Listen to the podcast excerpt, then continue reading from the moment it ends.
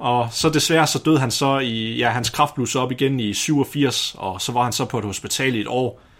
Og han fik simpelthen så mange kirurgiske indgreb, men de gjorde bare hans tilstand værre, og til sidst, der skulle han faktisk være på en dialyse, men der nægtede han at få det, fordi han, han valgte så at dø med værdighed, fordi han mente, jeg vil ikke længere lide egentlig, det her, det, det går ikke. Så, Nej. så han valgte at sige nej tak. Så han døde den 15. februar 1988, og hans sidste ord, det var faktisk, det her med at dø, det er lidt kedeligt egentlig. Og så døde han. Det er fandme hardcore, mand. Er der ikke nogen, der sætter stripperne ind? Vi bringer en advarsel. Den følgende podcast handler om vanvittig videnskab. Al forskningen, der præsenteres, er 100% ægte og udført af professionelle. Mark og Flemming står ikke til ansvar for eventuelle misforståelser, men minder jer om, at de altid har ret. Husk at være dumme.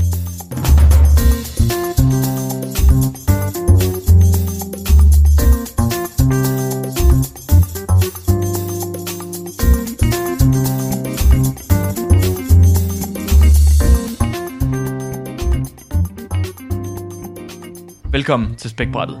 Din bro til vanvittig videnskab. Jeg er dedikeret til min forskning, men har også liv ved siden af, Mark Lyng. og jeg er jeres gennemsnitlige mere menneske end menneske videnskabsmand, Nikolaj.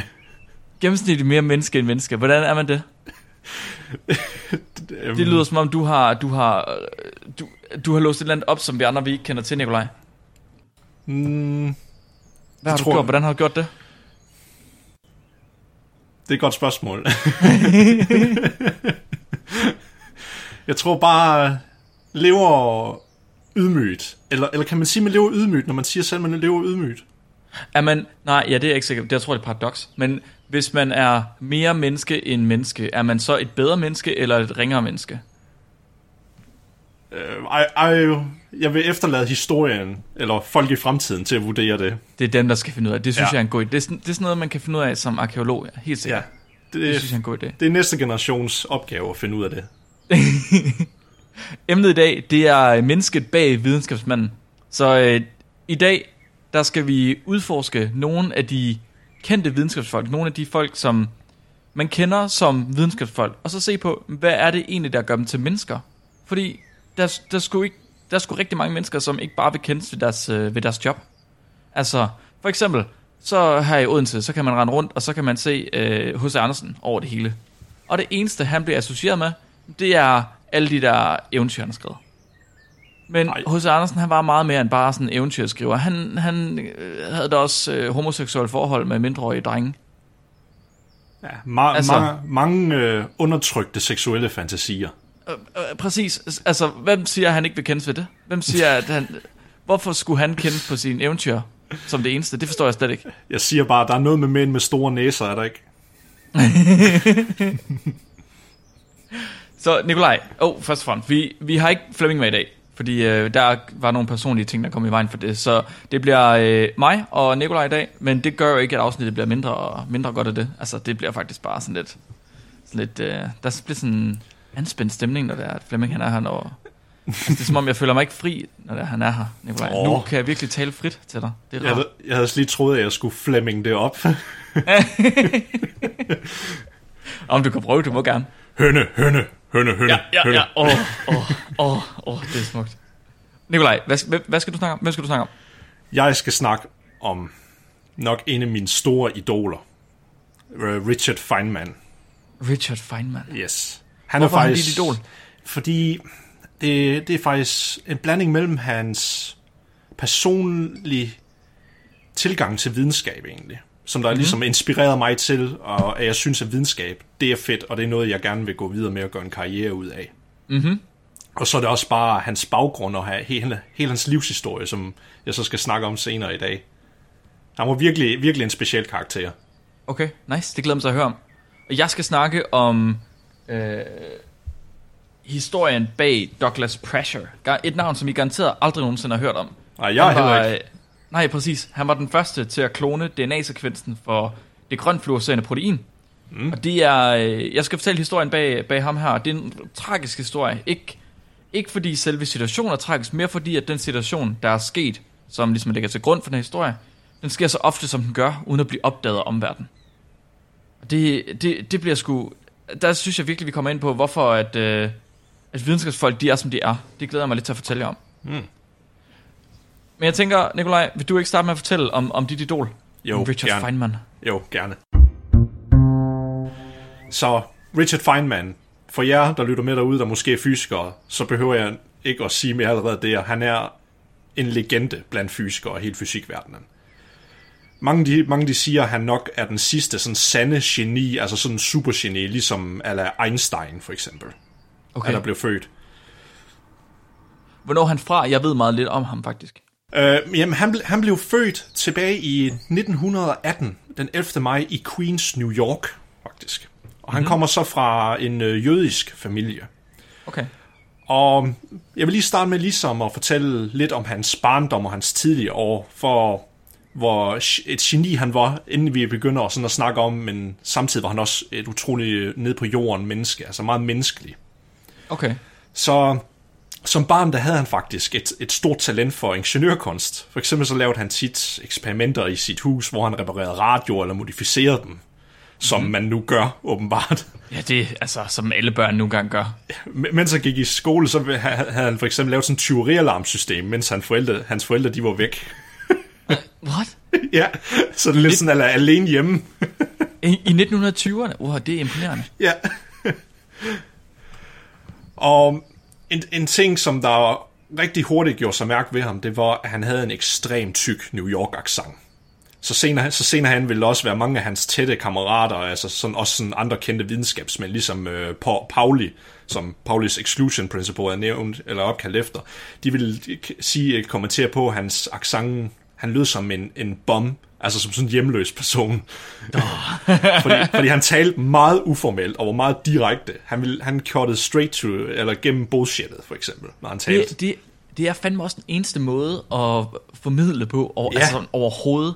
Ja, Det der med at snakke udenom, og, ja, og, og komme med sådan nogle vage bemærkninger, der er sådan lidt politisk i sit mail. Jeg forstår det simpelthen, der, man får aldrig noget ud af det. Nå, men han, han sagde, at, at fordi den måde, han var vokset op med, hans far sagde til ham, altid sætte spørgsmålstegn ved autoritet, og bare være nysgerrig. Mm. Og bare den mentalitet, han har for sin barndom, for det var meget sådan en arbejderklasse. At han Ja. var ligeglad med autoritet, og hvem han talte til, så talte han normalt til dem, og ville bare igennem alle formaliteterne, for eksempel. Ja, ja, ja. Så, så der er en historie med, at han engang skulle snakke med Niels Bohr, fordi der var nogle problemer med en øh, fysikmodel. Så var han den eneste, der kunne se problemerne, eller pointere problemerne for Bohr, fordi de andre, de ville ikke tale op til Bohr, og så sige til ham, du tager fejl. Men Feynman, han var fuldstændig ligeglad. Ja, de turde ikke sige noget til ham. Åh, Nej. det er fandme sejt. Det er fandme sejt, mand. Så, sådan en videnskabsmand vil jeg også gerne være. Altså, sådan vil jeg gerne være som, som forsker. Bare som, sådan, altså som, hvad kan, altså, fagperson i det Ja. hele taget. altså, han var ligeglad med, om, om det koster hans omdømme, for eksempel. Det er fandme sejt. Nå, men så, så Feynman, han skulle så videre på øh, sin high school, der svarer til øh, gymnasium, er nok det tætteste sammenligning, i Far Rockaway High School i Queens. Mm-hmm. Og allerede her, der viste han et utroligt talent for mere avanceret matematik. For eksempel så lavede, fik han en IQ-test, hvor han fik omkring 125, men han nægtede faktisk senere hen at join Mensa, fordi han syntes, at hans IQ der var bare gennemsnitlig. Så han synes ikke, der var noget omkring det. Fedt. Men det var faktisk sjovt, fordi man har regnet, eller man, der er nogen, der er gået tilbage og kigget på det, og så har sagt, ah, der kan vist ikke, ikke passe de der 125, så kiggede de i testen, og der var det også sådan verbale og grammatikting og sådan noget, der var i. Og man kan se mange af Feynmans udregninger og bøger og, og fysiknoter, han var virkelig dårlig til at stave og sådan noget. Så hvis, Nå, det var, så det- hvis, ja, så ja. hvis det var udelukkende matematisk, så ville han nok have haft en på 160 eller sådan noget. Ah, okay. Så det, det var han fuldstændig ligeglad med, om det var stavet korrekt eller noget. Så længe han kunne forstå det, så var han ligeglad. og faktisk, da han var 15 år gammel, så lærte han sig selv sådan noget som trigonometri, algebra og differential og integralregning. Alt det lærte han sig selv, inden han startede på universitetet. Det er fandme også imponerende, mand. Ja. Men så startede han så, så ville han så, han ville originale have lyst til at gå på Columbia University, men han blev faktisk afvist.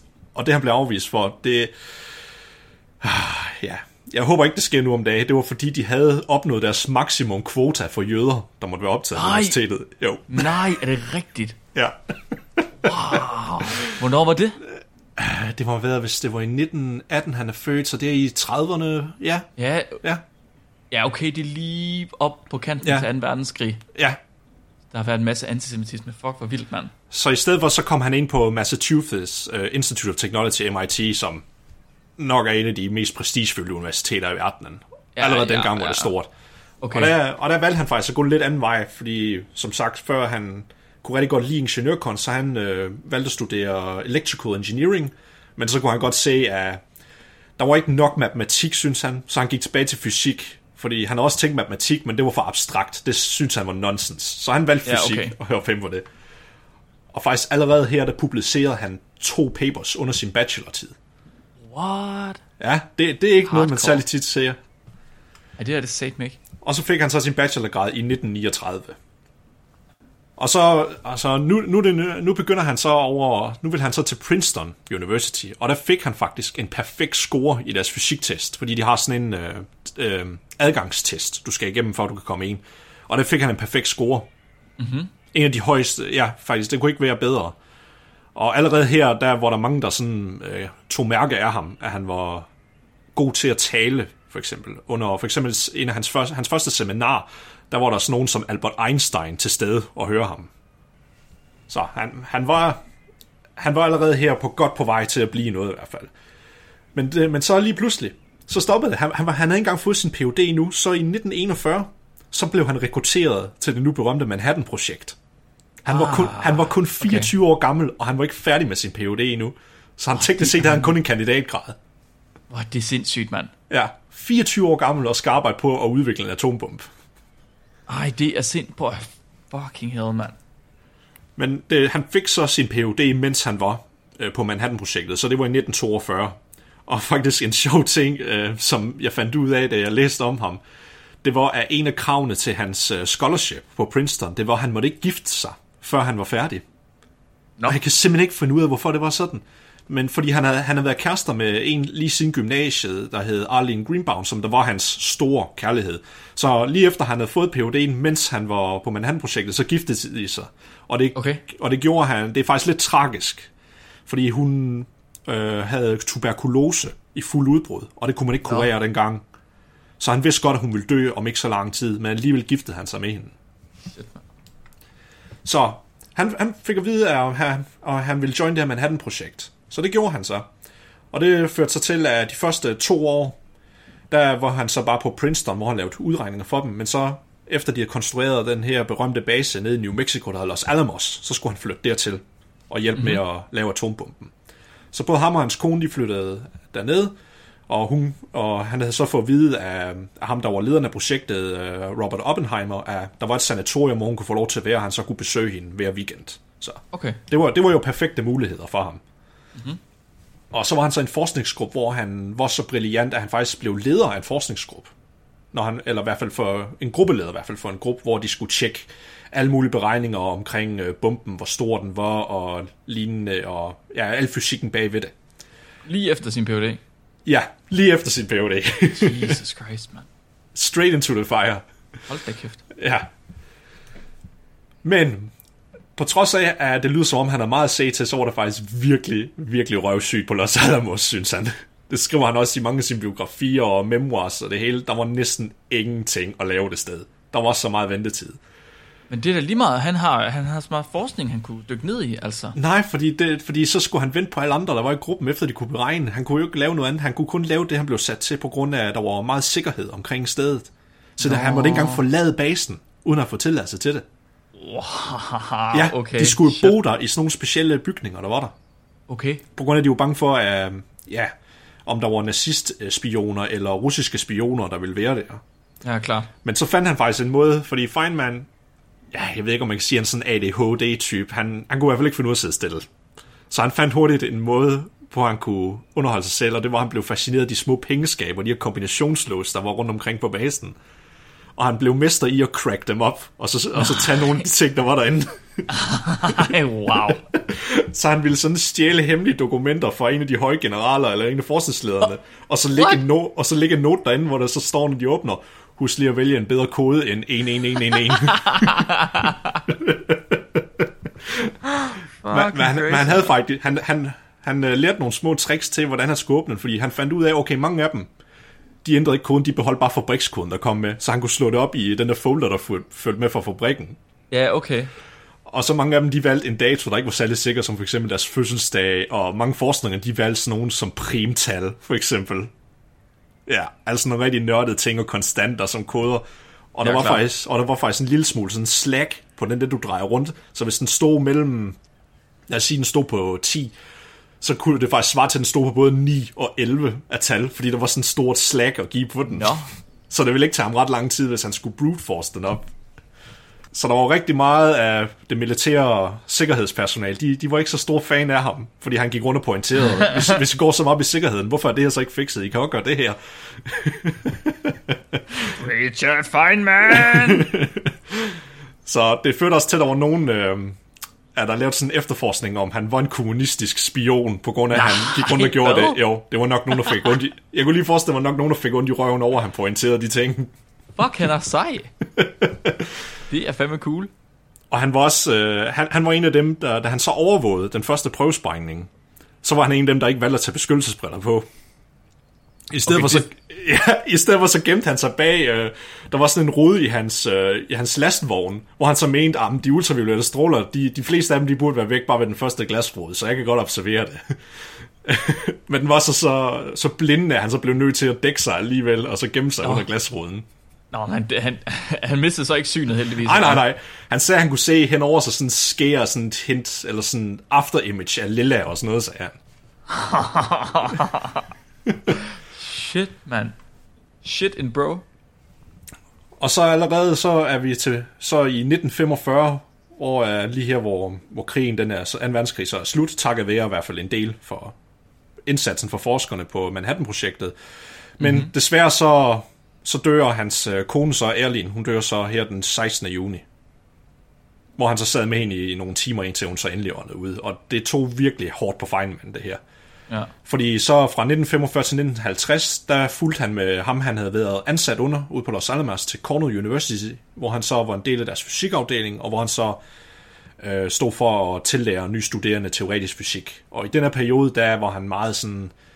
Der begynder de mindste sider, du ved. Han har lige mistet sin kone for nylig, og han ved ikke rigtig, hvad han skal gøre med sig selv. Han, han gider faktisk ikke engang at forske. Han føler sig sådan lidt udbrændt. Fuldstændig. Mm. Så han begynder at, at bruge sin tid på at kigge på sådan banal fysik ting. For eksempel så vil han studere om en spændende tallerken, når du kaster den gennem øh, rummet, for eksempel. Øh, hvordan er fysikken og ligningerne bag det? Alt sådan nogle mærkelige hverdagsfysik ting begyndte han i stedet Ja. for at dvæle på. Og så til sidst i 1950, der, der flyttede han så over til Caltech, hvor han så ville være resten af sine dage og studere. Og her der fik han ligesom sådan passionen tilbage igen. Og der begyndte han så at forske i det, der senere hen skulle blive det, han faktisk fik Nobelprisen for, i det, der hedder kvanteelektrodynamik. Okay. Og det er, hvis jeg skal sige det kort, det er sådan en forening mellem øh, specialrelativitet og kvantemekanik egentlig. Og oh, det er virkelig, ja. det her det er virkelig en af de største teorier, der nogensinde har været inden for kvantefysikken. Bare for at pointere, ja, bare for at pointere, hvor vigtigt hans arbejde var på det, så lavede de, der er en prediction i teorien, hvor der er en konstant i en af ligningerne, hvor de forudsiger, om den skal være, jeg kan ikke lige huske, hvad værdien er, men det er til, øh, til, til 18 decimaler, havde de regnet det ud til. Så testede de, øh, så ved eksperimenter, okay, har elektronen virkelig den her, jeg tror det er en monopolværdi, eller sådan noget hedder det. Så, tje, så testede de det. Og det de fandt frem til, det var ned til det 14. decimal sted, havde det nøjagtigt samme værdi, som de havde predicted. Så Feynman havde regnet ud. Ja, What? Det, det er, den hardcore. mest, det er den mest præcise måling, vi i mennesket nogensinde har lavet. Vi har nogensinde kommet i nærheden af det. Oh, og det, det- det og- er vanvittigt. ja. Til 14 decimal sted. Det er virkelig, virkelig meget. Ja. Altså, det er jo sindssygt. Og der, der er nogen, der har sagt, det svar til, hvis du skulle måle længden af hele Nordamerika fra, ja, fra vest til øst ned til sådan nanometer, sådan tykkelsen af et menneskehår, med sådan en præcision. Ja, ja, ja. Og det, og det er derfor, han er så big deal, fordi det her, det var en kæmpe omvæltning for fysikken, at det her det kom frem, og det bliver stadig brugt i dag. Det, som de hedder The Standard Model of Physics, som mange fysikere de kalder, det er han ligesom en af founderne for, af moderne fysik. Altså, det er den, der siger, at der findes øh, de her øh, kvarker og... Øh, Ja, for eksempel. Men kvanteelektrodynamik, den beskriver så, hvordan øh, fotoner interagerer med elektroner, for eksempel, og det beskriver det så vanvittigt præcist og så godt. Det er en af de bedste modeller, nogensinde har lavet i fysik. hold da op, det er virkelig imponerende. Ja. Og det er det her, de her kendte, hvis folk de slår det op, det der hedder Feynman-diagrammer, han var meget kendt for, fordi som sagt, han kunne godt lide at holde ting selvom han var så virkelig intelligent og skarp i matemati- matematisk, så holdt han det simpelt med de her Feynman-diagrammer, hvor du meget simpelt kunne vise interaktionerne, for eksempel. Mhm. Og det er så det, han så blev kendt for. Men en anden ting, som han også var meget kendt for her i, så i 1960'erne, så blev han bedt om universitetet, men vores fysikprogram for bachelorstuderende, kan du ikke lige gøre noget ved det, Feynman? Det er ikke særlig godt. Der er mange, der klager over det, og de får ikke de bedste resultater. Kan du ikke lige forbedre det? Jo jo, fordi en af hans store passioner, hver gang han blev ansat på universitet, så sagde han, han ville ikke blive ansat der, hvis der ikke var krav om, at man skulle undervise. For det, Er det rigtigt? elskede han. Ja, han elskede at undervise. Det var en af hans store passioner. Det var derfor, han også var nede om på det tidlige universitet, for der skulle han ikke undervise. Han, han følte virkelig, det, Nå. det forbedrede, når han, når han havde undervist nogle studerende, der var nysgerrige, så følte han det smidt af på ham selv, og så fik han mm-hmm. lyst til at forske videre. Det, Ved at se, ved at se deres ja. entusiasme. Ja, helt sikkert. Altså det, det, jeg synes også, det er en af de vigtigste ting, der er ved, ved videnskab og ved forskning, det er formidlingen af den forskning, man har. Mm. Så jeg kan, jeg kan sagtens følge ham. Så, så det her, det var omkring, ja, han fik så Nobelprisen sammen med to andre, øh, Julian Swinger og, nu skal jeg lige se, om jeg kan sige det, Shin Itoro Tomonaga, i, i, så net, i 1965. Men, som jeg sagde før, så blev han bedt om at forbedre, øh, ja, hvad hedder det nu? Øh, Fysikprogrammet på bacheloren. ja, curriculum, eller ja, er pensum, eller? Ja, pensummet, ja. Og fordi mange af den bog, man brugte på det tidspunkt, jeg kan ikke lige huske, hvad den hedder, men den er åbenbart kendt blandt øh, den ældre generation af, fys- af fysikere.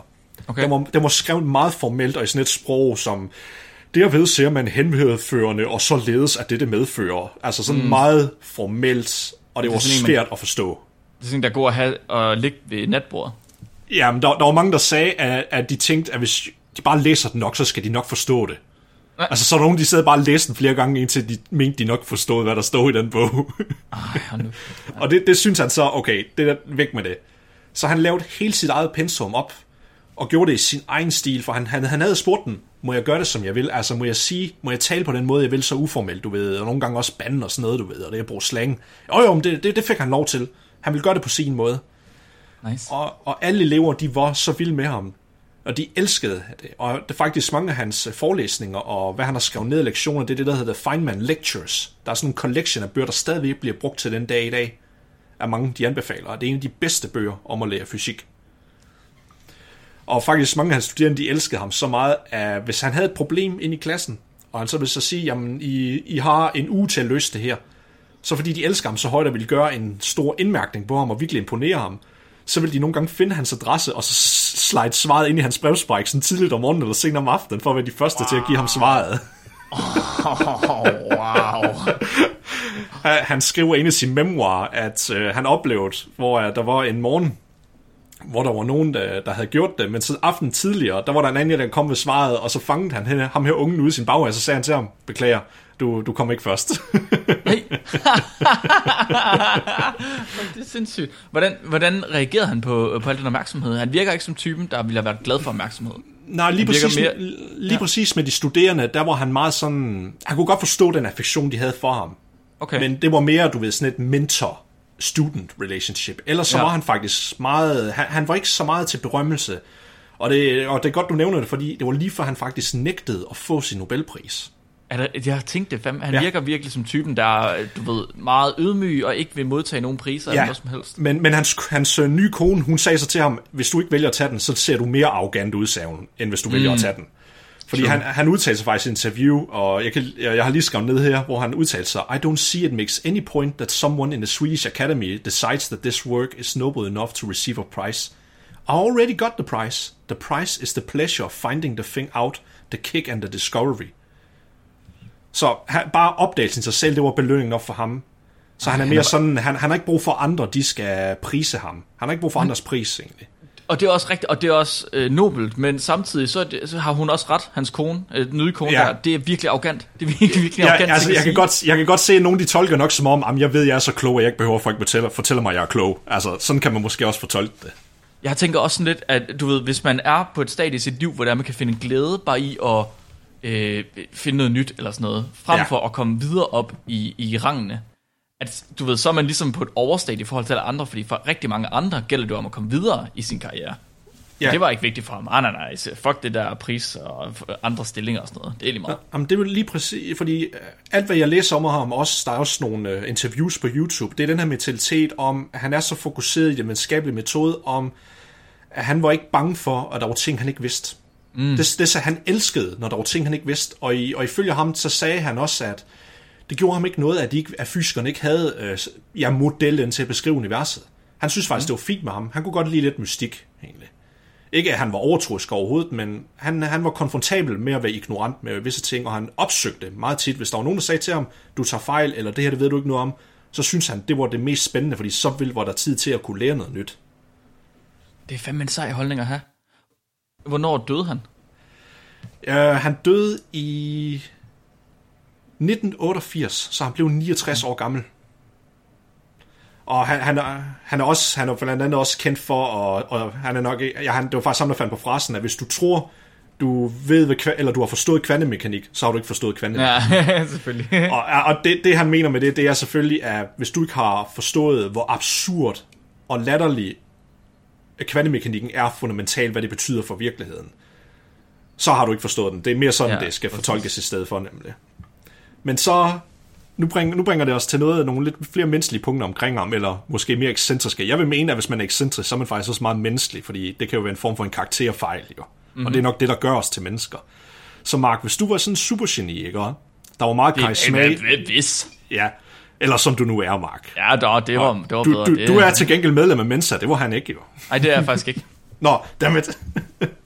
jeg tog bare testen også. Nå, okay. Men hvis du skulle spille et instrument, hvad for et instrument ville du så spille? Hvis, hvis du var ja, så intelligent.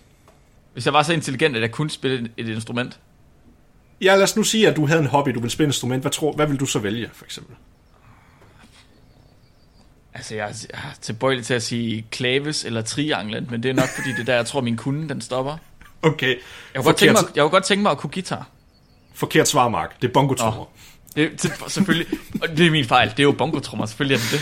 Feynman var rigtig stor fan og var meget passioneret om at spille bongotrummer. Ah, men altså, selvfølgelig var han det. Hvorfor og han, ikke? Øh, jamen, og han ville tit gå ned på de lokale jazzklubber, hvor han sad, du ved, og spille det der, du ved, sådan små beats, mens der var nogen, der lavede sådan poetry henover og sådan noget af det. Nej, jo, er det rigtigt? han var sådan en rigtig cool cat, du ved, som de kalder oh, det. en karakter. men det stopper, lyder sej. Ja, men det stopper ikke der. Øhm, han, han var også meget åben omkring seksualitet og åbne forhold, har han skrevet om i sit eget øh, selvbiografi, der hedder You Must Be Joking, Mr. Feynman. Jeg har ikke læst den, men jeg ønsker mig at gøre det. Og han faktisk en ting, der også var meget... Han var meget sådan en ladiesman på en måde også. Han var meget okay. karismatisk og charmerende. Så, men når han skulle lave noget af sit bedste arbejde, når han skulle sidde og lave komplekse udregninger og lave en ny artikel eller noget, hvor tror du så det bedste sted, han satte sig hen for at gøre det, det ville være? For at skrive, altså... Ja, bare for at lave for, forskning eller tænke teoretisk fysik og lignende. Hvor, hvor kunne Gik du forestille ned på en bar. Du, du er tæt på. Og hvad så? Lidt mere uformelt end det. Lidt mere uformelt? Vi skal på en topløs bar. det, er også, det, er jo, det er jo der, hvor ens forskning den er bedst. Altså. Han vil regularly, altså virkelig sådan rimelig tit gå ned på en stripklub eller noget, hvor han ville sidde og skrive sådan fysikligner på sådan små servietter eller sådan noget, hvis han fik en god idé, mens han var dernede. Hvor er det en mærkelig ting at gøre? jeg kan lige forestille mig, jeg har hørt, der er nogen, der lavede joken om, at hvis der står en danser og danser foran ham, kan du så ikke se, hvis han skulle visualisere et atom, og så sige, dig, spin, du er en elektron, spin, spin. og sidder og siger til danserne, hvad de skal gøre. okay, Mr. Feynman. If you Good. got the money. Og det, det, ja, altså det, jeg ved ikke, hvor, mere, hvor meget mere man kan sige, end, end meget usædvanligt det bliver. Og så samtidig med, at han talte i den der rigtig tykke New Yorker-accent, når gang han talte. Fuck, det er sejt. Altså, det er sådan en type, man har mødt, ikke? Og så har man tænkt, ham der, han er, altså, han er tydeligvis en eller anden VVS'er fra New Jersey, eller et eller andet, ja. der skal ned og have en pizza slice. Og så er han i vir- virkeligheden Nobelprismodtager. Ja, lige præcis. Så, kæft, og, ham, vil jeg, ham vil jeg gerne møde. Og faktisk på hans senere år, øh, fordi, eller jeg skal faktisk lige sige, en af de ting, der kendetegner Feynman, det var, hvis der var noget nyt, han godt kunne lide, og han ville lære det, så selvom han var rigtig dårlig til at lære det, så var han så hjernedød stedig, at han hæmmede ikke, før han blev god til det. Så for eksempel lige da de første computer kom frem, øh, jeg tror, jeg, jeg så en TED-talk, hvor der var en, øh, en af hans venner, der var med til at lave nogle af de første programmeringer og lignende. Lige der, hvor datalogien i sin unge form. Mm-hmm. Så prøvede han, så satte sig ned ved computeren, satte på en knap, tryk enter. Jamen, der skete ikke noget, så ville han gå slavisk igennem alle knapper. Fordi han selv insisterede på at lære det selv ved at prøve det. Oh, og, og, det, og, og det tog til sidst, at hans ven blev nødt til at rive ham fra det, så sagde Feynman, det her det er statistisk umuligt, du finder frem til det. Der er så mange kombinationer, du kan ikke finde frem til det selv, uden at jeg viser dig det. Fordi han var så stedig. Hold kæft, mand. Hvor det er en sindssyg ting. Og det var derfor, han valgte også øh, for eksempel at male på sin senere år, da han blev ældre. Og ja. han var rigtig, rigtig dårlig til det. Men han helmede ikke, før han blev god til det, så han malte så mange malerier, som han kunne. Og han gjorde det under et pseudonym, fordi han ville ikke have, at hvis folk kunne lide hans malerier, det skulle ikke være på grund af hans berømmelse. Mm. Og så han ville faktisk køre rundt, og fordi hans kone, hun sagde til ham, jamen, jeg vil ikke have alle de malerier her, du bliver nødt til at gøre noget, og han begyndte ikke at tjene så mange penge på sine senere år. Så sagde hun, du bliver nødt til at gå ned og sælge de malerier, jeg vil ikke have dem. Så, så kørte han rundt i byen med alle de malerier om bag i vognen, og nogle gange ville han prøve på at sælge dem ned ved stripklubben og sådan noget. Nej. Men der er, jeg, jeg, jeg, jeg har hørt, der er nogle steder, hvor de har gemt hans kollektion af malerier. Er det rigtigt? Så de findes Ja. faktisk? Ja, så jeg, så jeg tror, det er lidt sådan, eller Bob Ross, hvor de, de blev mega populære nu selvfølgelig, efter han er død. Og Mm, ja, ja, ja. Men det bringer os så, så nu, nu uh, her går vi så op igennem 70, og så nu når vi så slutningen af 70'erne, i 1978, og der blev han så diagnostiseret med, uh, med en kraft, men det hedder liposarkoma, og det er faktisk fedtvævskræft. En Ja. meget sjælden form. Og der fandt de ud af, at han faktisk havde en tumor på størrelse med en fodbold, der havde sådan knust hans ene nyre og hans milt. Åh, oh, Ja, men han fik en masse operationer, og han kom sig sådan lidt, men han havde stadigvæk cancer, så han levede med det i nogle år endnu. Mm-hmm. Og det bringer os til nok en af de ting, han faktisk blev mest kendt på i den amerikanske befolkning, og det var i 1986. Hvad tror du, der skete af store begivenheder i 1986 i forhold til NASA? Hvis du lige kan huske det. Åh, i 86. Ja, Det, det, er, det ved jeg faktisk ikke. det var Challenger Space Shuttle-ulykken, Ah, okay. hvor, er, hvor er, så rumfærgen den så sprang i luften ved opsætningen, hvor der så døde hele besætningen, plus der var hende skolelæreren, der var repræsentant mm-hmm. for, for nogle børnehavebørn for ja, øh, videnskabskommunikation, der var ombord. Originalt der var det faktisk Big Bird fra Sesame Street, der skulle have været med. Ja. Og han var, han, blev, han var med i en, ko- i en kommission, øh, som øh, præsidenten havde lavet for at finde ud af, okay, hvad skete der den her ulykke? Fordi vi, vi må blive nødt til at finde svar, hvad, hvad skete der? Mm. Og der var mange af Sikkerhedsrådet, og dem de vidste nogenlunde godt, hvad det var, men nej, de var ikke helt enige i de resultater, fra kom frem til, så de snakkede ikke om det, og der var måske lidt bag scenerne om, at der ikke havde været så god sikkerhedstjek, som der burde have været.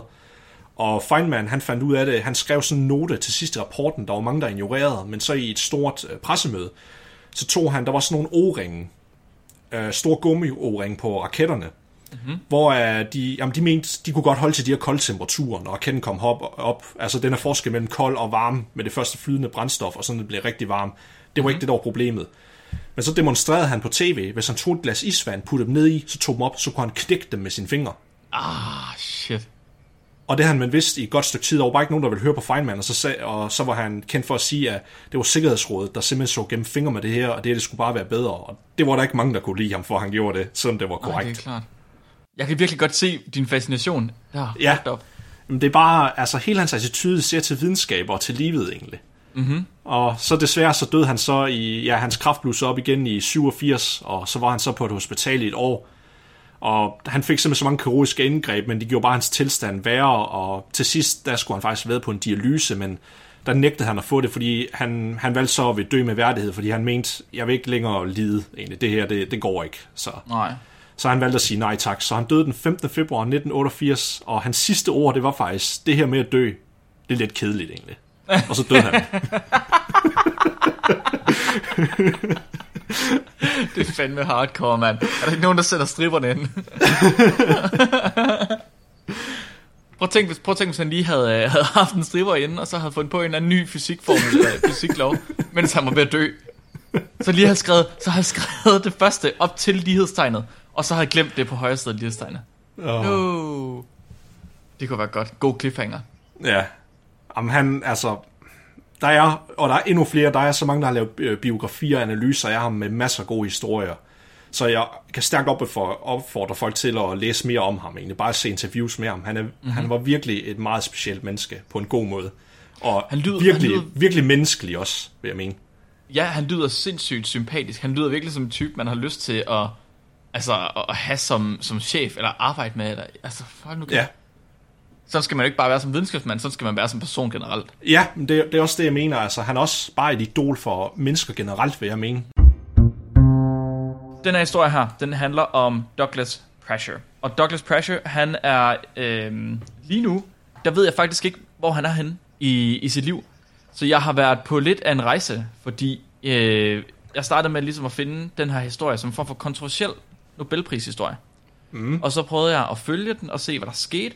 Og øh, det har jeg så gjort, og jeg har fundet en masse små spor. Sådan lidt ligesom sådan noget, øh, hvad hedder det, udforskende journalistik. For at prøve at finde Ja. ud af, hvad der er sket med, med de her folk. Og jeg, jeg- må indrømme, at sporet gik faktisk koldt her til sidst, der var jeg nødt til. Siger du, han er forsvundet? Øh, so far, jeg kan ikke finde ham. så et eller andet du, du. sted er han. Men, men jeg har fundet historien op til nu. Så Okay. jeg fandt, det sidste jeg fandt, det, fra, øh, det er en artikel, der er skrevet af en gut fra øh, hvad hedder det, maj 2020. Så vi har historien helt op til 2020. Okay, Okay. så, så vi går ud fra, at han er stadigvæk i live. Jeg tænker, han stadig er i live. Okay, Det tror jeg. Så Douglas Pressure, han er den første person, der har klonet genet for grøn fluorescente protein. Og øh, det lyder måske ikke sådan vanvittigt for folk, der ikke lige ved, hvad det er, men det er fuldstændig åndssvagt banebrydende. Det er det, at vi har kunnet tage... Så det grøn protein er et protein, der lyser grønt, når man lyser på det med blåt lys. Det er noget, der kommer fra en goble. Og øh, man havde godt kendt til det her protein, det havde man gjort i mange, mange år, men man har simpelthen ikke kunne finde ud af, hvad man lige skulle bruge det til. Fordi det er meget fint, at ting lyser, men hvad fanden skal man bruge det til? Douglas her, han havde så øhm, han havde taget det her, det her gen, der koder for det her protein, og så havde han så fundet genet og sat det ind i noget andet, som den allerførste nogensinde. Og det er jo skidesmart, fordi når man kan det, så kan man lige pludselig følge andre organismer. Og man kan sætte det fast på andre ting, og man kan følge rigtig mange ting i kroppen. Så man kan i virkeligheden bruge det til at følge, øh, hvordan cancer udvikler sig. Hvis man nu lader en cancercellelinje udtrykke det her protein, så kan man få dem til at lyse op, og så kan man se, hvordan de udvikler sig og bevæger sig. Noget, som man ikke ellers ville kunne se. Man har også brugt de her fluorescente proteiner til at lyse øh, nervebaner op i mus, for, altså bare som et eksempel, mm. for så at vise, hvordan man kunne se meget små nervebaner, som aldrig nogensinde ville kunne se ellers, mens man står og opererer i mennesker. jeg prøver at forestille dig, hvor mange videnskabelige artikler bare om dagen, der bliver publiceret, der faktisk Det- burde, der burde citere ham alene. Jeg tror, det er 100.000 vis. Altså, ja, det er fuldstændig altså, det, det, det, her, det, er, det her, det svarer til, uh, det bedste analogi, jeg kan tænke på, det er, en, da boremaskinen, den blev opfundet. Mm-hmm. Måske, altså, altså det er sådan et essentielt værktøj for moderne ja, molekylær ja, ja. biologi. Det, det, det, det- er så banebrydende at have fundet ud af, hvordan man kan putte det her protein ind i en anden organisme. Det, det er slet ikke til at forstå. Og det, øh, det, er jo, det er jo banebrydende, og det har folk også set, at det er. Men det tog noget tid, før man ligesom fandt ud af det. Så ved rigtig mange Nobelpriser, der opdager man først, at folk de gør noget banebrydende, sådan til sidst i deres karriere, og så får de Ja. Nobelprisen. Her var det ikke helt den situation, så Douglas han startede faktisk øh, sin karriere tilbage i 1980, hvor han allerede der var i gang med at arbejde med fluorescerende proteiner. Og man havde allerede, de fluorescerende proteiner, dem havde man allerede fundet tilbage i 60'erne, så man vidste godt, de var der. Men han begyndte så at lave noget arbejde der i 80'erne. Og han, øh, på det her tidspunkt var han øh, phd studerende og øh, han fortsætter så med at arbejde med det, og, øh, og hele hans projekt her, det går ud på, at han skal prøve at, at finde DNA-sekvensen for det grønne fluorescente protein. Altså det, som han rent faktisk gjorde. Mm. Og det fik han et par år til at gøre. Øh, jeg kan ikke huske, om det var to eller tre år, men det, han fik et par år til at gøre, der fik nogle penge. Øh, jeg kan, var det NASA, tror jeg? 200.000 dollars til at finde det her protein. Og det lykkedes ham, og han får udgivet sine resultater i 92. Men på det tidspunkt, der er han ved at løbe tør for penge. Og ja. han kan godt se, fuck, okay, han har ikke særlig lang tid at arbejde videre med det her fluorescente protein på.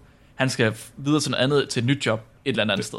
Det var heller ikke mange penge, de gav ham til at starte med, vil jeg sige. 200.000 dollars, det er ikke vanvittigt mange penge at have til sin egen forskningsgruppe. Selv, selv hvis vi korrigerer for inflation, så tror jeg ikke, det er mange penge. I Nej, nej, nej. nej. hvert fald ikke i vores dag. Nej. Så, men det, at han finder gensekvensen for det her protein, det udløser en massiv interesse fra hele forskningsverdenen, der har noget med det her at gøre. Altså det, hvis, ikke, hvis man har noget med biovidenskab at gøre, og man ikke ved, kender til, at det, kender til det her protein, så har man fejlet et eller andet sted i sin, i sin karriere. Så der er selvfølgelig rigtig, rigtig mange, der tager kontakt til ham, og han deler også gladeligt ud af den her sekvens til folk sådan til højre og til venstre, som man som god videnskabsperson også bør gøre. Man bør ikke lægge skjul på sine, på sine resultater. Og det gør han, og dem deler han ud til en gut, der hedder øhm, Martin Chalfie, og til Roger Chen. Chen. Han er øh, kinesisk, tror jeg. Det er svært at udtale. Han deler de her resultater ud til de her to personer, og de går så i gang med at prøve at lave nogle nye ting. Så Roger, han begynder at udvikle ikke bare grønflåscenterprotein, men også rød og gul og cyan og orange og alle mulige andre farver. Laver simpelthen sin egen lille farveladeboks af fluorescente proteiner, som man kan bruge, fordi det betyder, at man kan lyse på dem med forskellige farver, og så kan man se dem på samme tid. Altså se forskellige ting i samme billede på samme tid. Det er lige så banebrydende som bare at finde det grønflåscente protein. Ham her, Martin her, ham arbejder øh, Douglas så faktisk videre med. Så det er, Martin han går i gang med at prøve at se, om man kan klone proteinet ind, så det bliver udtrykt i E. coli.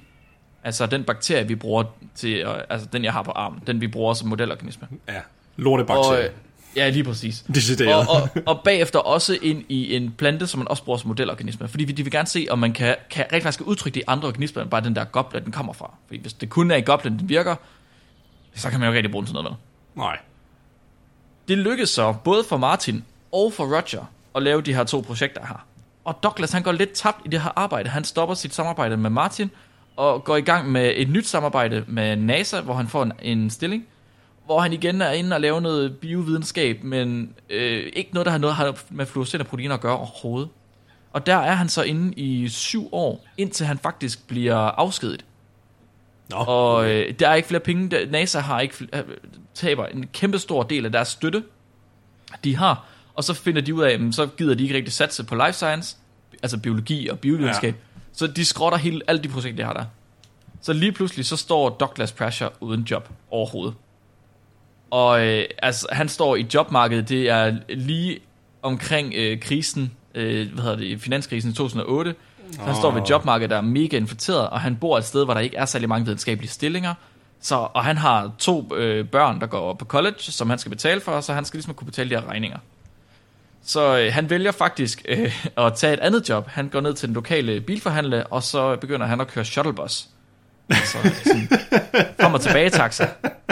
everyday working man. Everyday working man. Så han går simpelthen fra at være så banebrydende og finde det grønflåscent, altså gensekvensen for det grønflåscent protein, til at arbejde som shuttlebus øh, fører.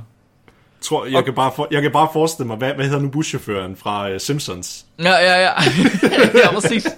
Præcis. You det- get back behind that line! Og det, og det er fandme, det er så ærgerligt, fordi det er et halvt år efter, tror jeg, at han har taget det her job. Så ser han på nyhederne, at nu har de fundet de næste Nobelprismodtagere. Og de næste Nobelprismodtagere i kemi. Og prøv at gætte, hvem der fik Nobelprisen Ej. for kemi. Åh, oh, det var dem, han arbejdede sammen med. Det var Roger Sen, og det var oh. Martin Chalfie. Og det var en tredje person. Og grunden til, at Douglas ikke blev øh, nævnt til at skulle have prisen, det er fordi, der er kun tre mennesker, der kan dele Nobelprisen. Ja. Der kan ikke være flere end tre mennesker, og det skyldes åndssvage regler, der er lavet tilbage i slutningen af 1800-tallet, da Nobel han døde. Ja. Og, og han ligesom sagde i sin, uh, sit testament, at nu skal vi lave den her pris, og så stod der, at der må kun være tre, der kan deles om den, og så var det sådan, det var. Ja. Og det vilde er, at han ser det her, og han er selvfølgelig sådan, åh, oh, fuck, okay, det var måske lidt ærgerligt, det kunne han måske også godt have brugt, men altså... Okay, det var meget mildt, han tog det. Ja, og sådan var han sgu, fordi han, han, han gik egentlig ud og sagde, jamen, han var ligesom gået ud af science, han havde faktisk overhovedet engang forventet, at no, uh, Nobelpriskomiteen, det overhovedet ville kigge på ham som en værdig kandidat. Nå, han var ikke jeg, jeg, person jeg længere. kunne ellers så forestille mig, at han ville have været sådan, du ved, når han kører bussen, hvis der var nogen, der bladede ham, han sidder bare sådan virkelig bare begrudgingly, og så bare sådan, I used to be a brilliant scientist before this. bare sidder og siger det til børnene på bussen, så siger de bare, ja, ja, keep talking to yourself. Ja, det er fint. Mm, ja, det er Ja. super fint. Det er super godt med dig. Godt med dig, Doggy. Så Douglas, han, han ser det her på fjernsynet, og så bliver han kraftet med ringet op af samtlige journalister, der findes i hele USA, de, vil alle sammen, de havde godt hørt om ham på en eller anden mærkelig måde. Og de vil selvfølgelig alle sammen have et interview med den her tidligere videnskabsperson, der ikke fik lov til at få sin Nobelpris, sin Nobelpris. Og det var faktisk fordi, at Martin Chalfie og Roger Chen, der fik prisen, de begge to var gået ud og se, havde sagt, altså det er basically alt sammen Douglas' fortjeneste, det her. Okay. Ja, Martin han, øh, han sagde, at de kunne lige så godt have givet det til Roger og Douglas og de andre, og så bare have ladet mig være. Altså, han havde ikke gjort noget, synes han ikke. Og Roger, han sagde basically det samme. Og det gik faktisk sådan, så Douglas fik ikke Nobelprisen. Og det er ærgerligt, men det sker bare rigtig, rigtig meget inden for videnskab. Det tænker jeg, vi kan komme tilbage til lidt senere. Ja. Det er en ærgerlig situation. Det, her, det sker så ofte, og det her det er i virkeligheden bare en af de offentlige situationer, hvor det sker. Så han fik ikke Nobelprisen. Men til gengæld, så gik Martin og Roger ud, og så betalte de for hans øh, flybillet og for hans hotelophold. Og så tog de ham til Stockholm til Nobelpris overrækkelsen, hvor han blev Nobelprismodtagernes gæst. Så han kom op på scenen, mm. og så havde de flået både ham og hans kone til Stockholm. Og så havde han lejet en, øh, et jakkesæt, altså en smoking med hale, pingvinsæt. Og så havde han lånt et par brune lædersko i den by, han kom fra, fordi han havde ikke penge til at lege dem. Så han havde simpelthen, og så var han simpelthen kommet ud til Stockholm for at komme til den her prismodtagelse, hvor han så faktisk havde fået, altså han, han havde fået sin benævnelse i virkeligheden, han havde bare ikke fået prisen, og den der million dollars, som man får for, øh, eller hvor meget det nu er. Jeg tror, det, det er millions... Er det svens, ja, svenske kroner eller sådan Er det noget? sådan, ja. jeg tror, det er noget den stil. Det havde han desværre ikke fået del i. Men til gengæld, altså hele tiden, så Martin og Roger, de blev ved med at sige, at de synes, de skyldte ham et eller andet. De mente, skyldte ham de, skulle givet, de skulle nok have givet ham det, han har mest brug for, pengene. Ja, pengene, altså, det, men det ville han faktisk ikke have, fordi Roger, Nå. han tilbyder ham et job Okay. med det samme i sin egen øh, forskningsgruppe. Og Douglas, han, øh, han siger nej tak. Og det gør han, fordi han vil ikke have det her job med lidenhed. Han vil have det, det skal være baseret på hans kunden, hans evner. Mm. Han vil kun have det job, hvis det er, at det rent faktisk er hans egne evner, der altså, giver ham ret til at have jobbet. Ja. Så han starter med at sige nej. Og de, han vil faktisk ikke have noget af alt det medlidende, de vil give ham. Han vil hellere bare have lov til at, at være sin egen mand. Og så arbejder han videre som buschauffør øh, i et par år, indtil at det, den virksomhed, det der, hvad hedder det, bilforretning, det også lukker ned. Okay, så må han hen til, et nyt, til en ny autoophugger et eller andet sted, og så må han have et job ved dem, og så er han der et par år, og så kan han godt mærke, at okay, nu begynder det fandme at være lidt surt at arbejde for 10 dollars i timen, når man i virkeligheden har været den her næsten Nobelprismodtager. Så tager han imod Rogers, job, øh, Rogers jobtilbud, og det er i 2012. Så i 2012, fire år efter, at øh, Roger og Martin de fik Nobelprisen, så tager han imod jobbet, Douglas, tager til Rogers øh, laboratorie, men så går det fandme ikke værre, end bedre, værre eller bedre, end at Roger, han dør fire år senere. Åh, Og så var det, det var ligesom det, jeg kunne finde, det var, at Roger han døde, og jeg fandt en artikel inde på øh, hans universitet i øh, San Diego, deres hjemmeside. Og så ved et tilfælde, så finder jeg en, øh, en blogindlæg på Science fra en kinesisk forsker, der havde været i San Diego i 2019. Fordi han ville også gerne finde ud af, hvad der var sket med Douglas Pressure. Fordi hvis Roger Shen, han dør, hvad sker der så med hans forskningsgruppe? Den Ja. bliver vel nedlagt på en eller anden måde, gør den ikke det? jo, det vil, jo, som Det vil- regel vel. Det vel det, ikke? altså hvem, ellers så skulle nogen jo tage over den. Men det var der ikke nogen, der havde gjort, så man tænker, han må blive nedlagt. Så hvad er der sket med Douglas? Hvor er han hen? Så ham her kineseren her, han, øh, han tager til San Diego, og så... Øh, det, han skal i virkeligheden over, fordi han, han har noget arbejde med en samarbejdspartner. Han starter med at spørge sin samarbejdspartner derovre, hey, ved du, hvor Roger Shens øh, øh, universitet er hen? Her i San Diego. Hey, oh, oh, oh, oh, oh. Du skal gøre det med en kinesisk accent. Jeg, jeg Ah, kan ikke det- leve mig ind, i, ah, jeg kan kan ikke leve jeg. mig ind i historien, Mark. Ej, men han, han snakker simpelthen så pænt engelsk, så jeg synes bare, jeg tager den, jeg tager den dansk. okay, jeg, jeg, okay. jeg synes, det er det, jeg tænker med Black Lives Matter og racisme nu om dagen, så må vi hellere være. Men så spørger han- han spørger sin, øh, sin samarbejdspartner, om han ved, hvor det her laboratorium ligger. Og sammen der samarbejdspartner, han kigger bare på ham sådan, hvem? ja, altså, Roger Shen, øh, Nobelprismodtager fra 2008. Hvad? Hvem? Ah, okay, altså, ved du ikke, hvem det er? Og det gjorde han satme ikke. Og så, øh, han hedder, øh, nu skal jeg lige finde navnet på ham, der har skrevet den. Han hedder øh, Chiping, Chiping Dai. Mm. Og han, han er sådan lidt, okay, fair nok, det var inden for et helt andet felt, det var noget ingeniør og noget robotværk, så okay, måske kender han ikke til det, det var fint nok.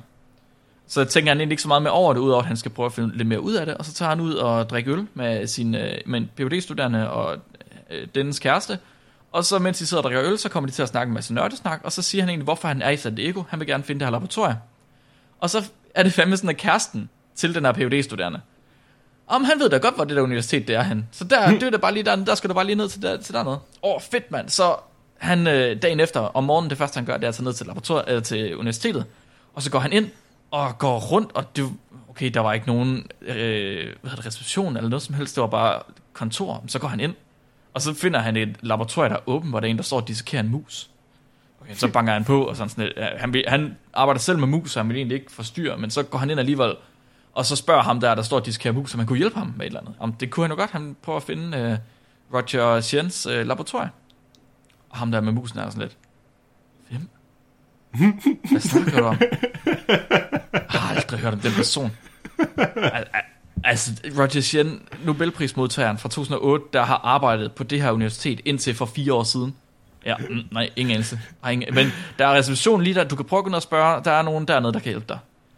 Okay, så gik han derned, og så prøvede han at spørge inde ved en reception, hvor der sidder en sekretær, og øh, hun er også sådan lidt, det aner hun ikke, med er, men så prøver hun at google det, og så finder hun et dokument på Google, Okay, hvor der står, simpelthen. Ja, hvor der står øh, vejvisning til Roger Jens laboratorium. På, på Google. Nå ja, fint nok, men så kan hun jo printe det ud til ham, og så kan han jo få det, og så kan han prøve at gå den vej, og så bliver han ved med at gå rundt, og han prøver at spørge phd studerende og folk inde på kontoret, der er ingen, der aner, hvad han snakker om, altså ingen anelse. Og til sidst så finder han en phd studerende der, mås- der måske kan hjælpe ham med det kort der, og siger, der er en fragtelevator udenfor, det ser ud som om det er den. Ah, det, okay, come on, det kan ikke være en fragtelevator, hvad snakker du om? Men så går han alligevel udenfor, ham her, øh, Chi Og øh, så udenfor, så, er der, så går han hen til en fragtelevator, han står, og han er sådan lidt, det er ikke her. Det er tydeligvis ikke her. Og så kommer der postbud forbi. En øh, FedEx-mand, som så kigger på ham og siger, øh, mangler du hjælp til at finde vej? Ja, det gjorde han godt nok. Det, han, ham, FedEx-manden, han, han var den bedste vejviser, der var. Og så går han hen til ham, og så siger han, jeg, jeg skal finde vej hen til det her laboratorium. Er det Roger Shens laboratorium, du mangler? Ja, det var så. Hvor vidste du det fra? det er jo lige, det er lige herom, det kan lige finde til dig. Det er lige herovre. What the fuck? så går de et minut, og så er de hen ved hans øh, kontor, hans laboratorium, hvor der er en plak med hans navn på. så de fandt Roger Shens laboratorium til allersidst. Men det var kun ham her, FedEx-gutten, der vidste, hvor det var henne.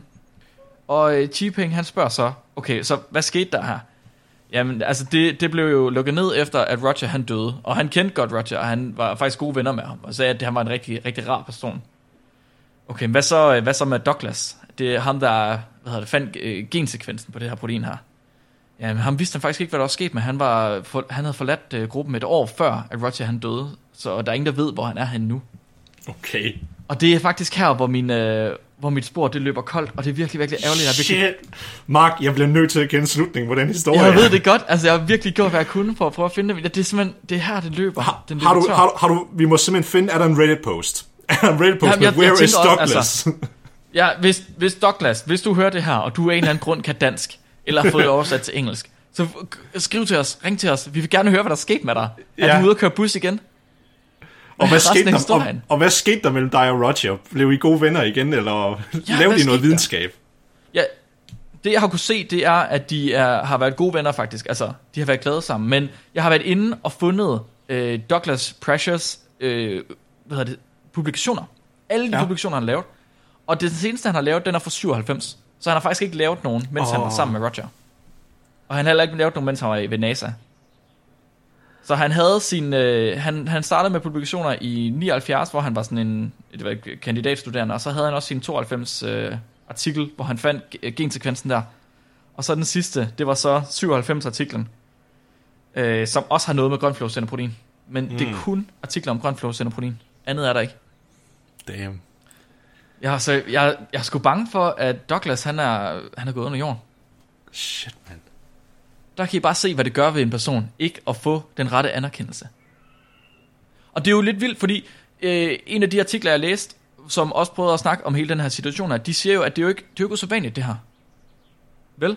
Det jo sker jo hver eneste dag, fordi videnskab er en turneringsbaseret, mm. øh, et turneringsbaseret marked. Ja. Fordi selvom to personer med meget lille forskel i produktivitet, hvis de er oppe hvis de er oppe og kæmpe imod hinanden, så kan de ende ud med at have meget stor forskel i anerkendelse. Ja. Right? Det, en person kan, være, kan få Nobelprisen den ene dag, eller kan få Nobelprisen for en opdagelse, de gjorde en dag, og så kan en anden person opdage den samme ting tre dage senere, men ikke få noget anerkendelse overhovedet. ja. Det er tre dages forskel. Altså, Eller, eller ender de at med at dø, og de giver ikke Nobelprisen til afdøde personer. Mm. Mm, ja, præcis. Og det, det er det samme, der kan ske for, øh, altså i sport og i musik og i film og skuespil og sådan noget. Det, så der er rimelig stor sandsynlighed for her, at man opdager noget, som er lige så vigtigt, som andre mennesker har opdaget, uden at få noget anerkendelse for det. Og det er faktisk også derfor, at Douglas han ikke ville have prisen til at starte med, fordi han følte ikke, at det var i hans ret at få prisen. Fordi han havde ikke gjort en opdagelse, som var vildere end de andre. Nej. Han havde bare været heldigere. Men nu er han så til gengæld en af de uheldige ikke at få prisen. Ja. Altså, det, det er jo det, der er det svære. Altså, kan man sige, at fordi man opdager noget nyt, ligegyldigt om det er tilfældigt eller ej, skal man så værdsættes for det? Ja, Det, præcis. det er jo det, der er svært at vurdere. og Fordi hvad skal størstedelen, størstedelen af tiden, selvom de er rigtig store genier, så mange gange det, de opdager, det er mange gange med tilfældigheder. Ja, og præcis. også fordi det var noget, de ikke havde regnet med, de ville se. Mm-hmm, præcis. Præcis. Og er det, er det overhovedet en, en god ting? Altså, be- betyder det, at de er dygtige forskere? Jeg tror mere, det er dygtigt ved, at det skal forstås, at de var brillante til at eliminere alle måderne, hvorpå at de ikke kunne finde det. Ja, okay. Det, det er ligesom historien med Edison med, at han, han fejlede ikke tusind gange med at lave en, en LP'er. Nej, nej, han fandt tusind måder på, hvordan man ikke skulle lave en LP'er. Ja, lige præcis. Lige præcis. Men det, det, og det skulle, jeg tror, det er det, der gør, at videnskab og andre felter, der er turneringsbaseret, at de er så hårde, som de er. Ja. Fordi man får så lidt anerkendelse for at lave... Man får så meget mindre anerkendelse for at lave det samme arbejde, som de andre, der får mere anerkendelse. Og det er mere baseret på held, end det er baseret på, hvad du har lavet. Mm. Fordi det, der egentlig skete med Douglas her, det var jo, han var faktisk sat op til, han var, havde en stilling som, øhm, som adjunkt, som er sådan en midlertidig stilling, man har. Og når du er færdig med adjunkten, så kan du øh, søge om at blive lektor bagefter. Og det er en mere fuldtidsagtig stilling. Der er ikke rigtig noget, der er fuldtid inden for videnskab. Nej. Men den var han så faktisk sat op til, og så søgte han penge om den, og han fik bare ikke pengene. Det var det, en, det eneste, der skete. Han fik ikke de penge her. Okay. Og så stod han lige pludselig uden job. Og jeg skulle alle sammen stået og ikke fået pengene i en eller anden tidspunkt. Altså, og hvis det var, ja. det, hvis det var det, der gjorde, at han ikke fik Nobelprisen, det var, at han ikke fik pengene dengang. Det er en sindssyg situation. Men det er også bare sket for så mange andre. Og Ja, det skulle ver- verden er uretfærdig nogle gange. Verden er dybt, dybt uretfærdig. Så jeg er ked, jeg er ked af, at jeg efterlader jer med sådan en cliffhanger. Det, jeg ved godt, det er sgu ikke helt i orden. Men man, kan- men man kan så sige, at til eftertiden er vi så heldige med, at, at vi så graver ham op hans legacy, og så får ham frem i lyset i stedet for. Ja, det synes jeg er vigtigt. ja. Jeg, synes, jeg synes så fint nok, at ikke alle kan få den anerkendelse, de fortjener på det samme tidspunkt. Men så på et eller andet tidspunkt, så skal de have det. Så skal vi gøre, hvad vi kan for, at de får det. Mm. Ja. Douglas Pressure, du er øh, okay i vores bog, ved spækbrættet. Du skulle Call sejle. os. Call os. Ja, ja.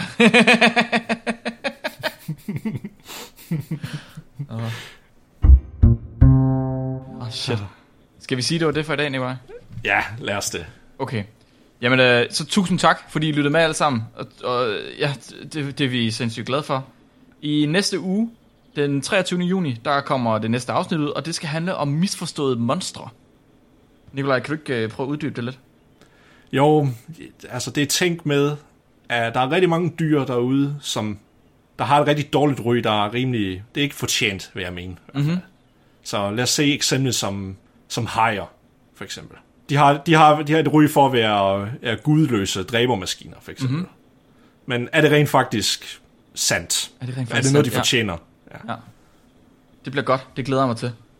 Og hvis I nu har øh, idéer eller videnskab eller spørgsmål eller et eller andet, som vi skal tage med til de næste afsnit, så må I endelig sige til. Og I kan gøre det ved at skrive til os på Facebook.